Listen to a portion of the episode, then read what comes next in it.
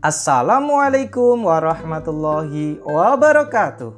Halo adik-adik yang hebat. Bagaimana kabarnya? Sudah siap belajar hari ini? Sebelum belajar, alangkah baiknya kita berdoa dahulu ya. Yuk, kita berdoa sesuai agama dan kepercayaan kita masing-masing. Berdoa dimulai. Berdoa selesai. Terima kasih ya adik-adik sudah berdoa dengan khusyuk. Semoga belajar hari ini mendapat berkah dari Allah Subhanahu wa taala.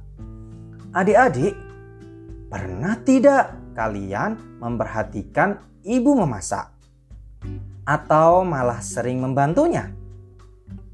Ketika memasak, kenapa ya air yang dingin bisa menjadi panas.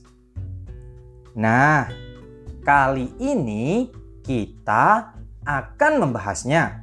Kita akan belajar bersama kompetensi dasar 3.6 menerapkan konsep perpindahan kalor dalam kehidupan sehari-hari.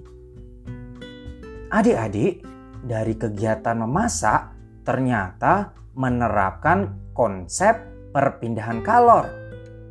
Nah, kalor merupakan panas yang bisa berpindah dari benda yang memiliki kelebihan kalor menuju benda yang kekurangan kalor.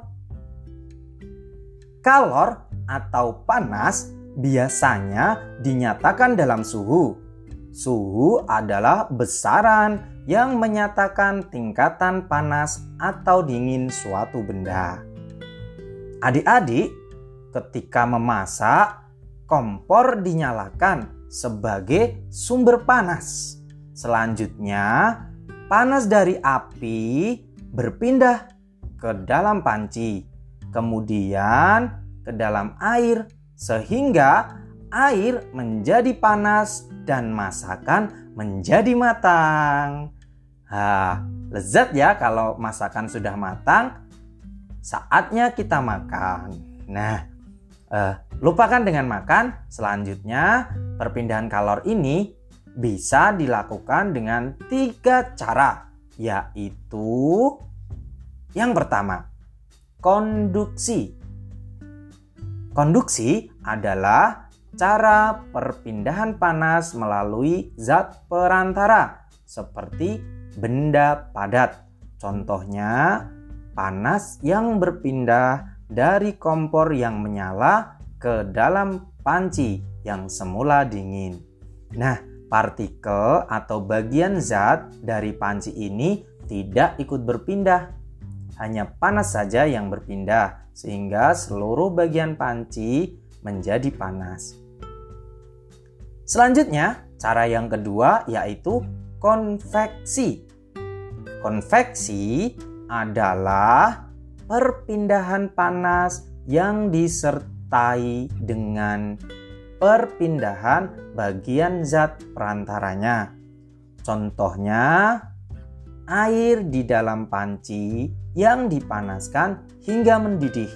Nah, partikel atau bagian zat dari air ini mengalami perpindahan sehingga disebut perpindahan kalor dengan cara konveksi.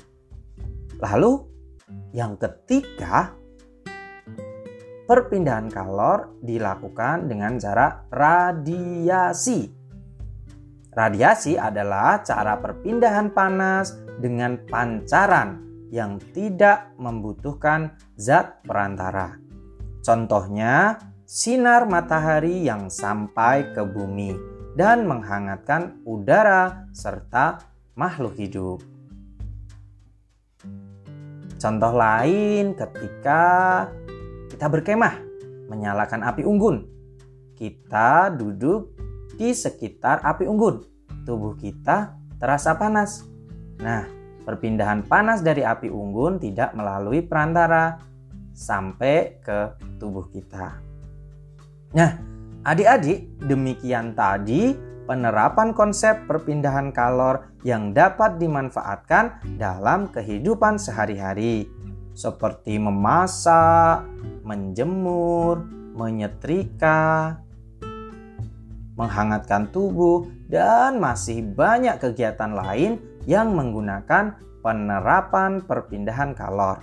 Semoga adik-adik dapat memanfaatkan penerapan konsep perpindahan kalor dalam kehidupan sehari-hari dengan baik. Sampai jumpa pada pembelajaran selanjutnya ya. Assalamualaikum warahmatullahi wabarakatuh.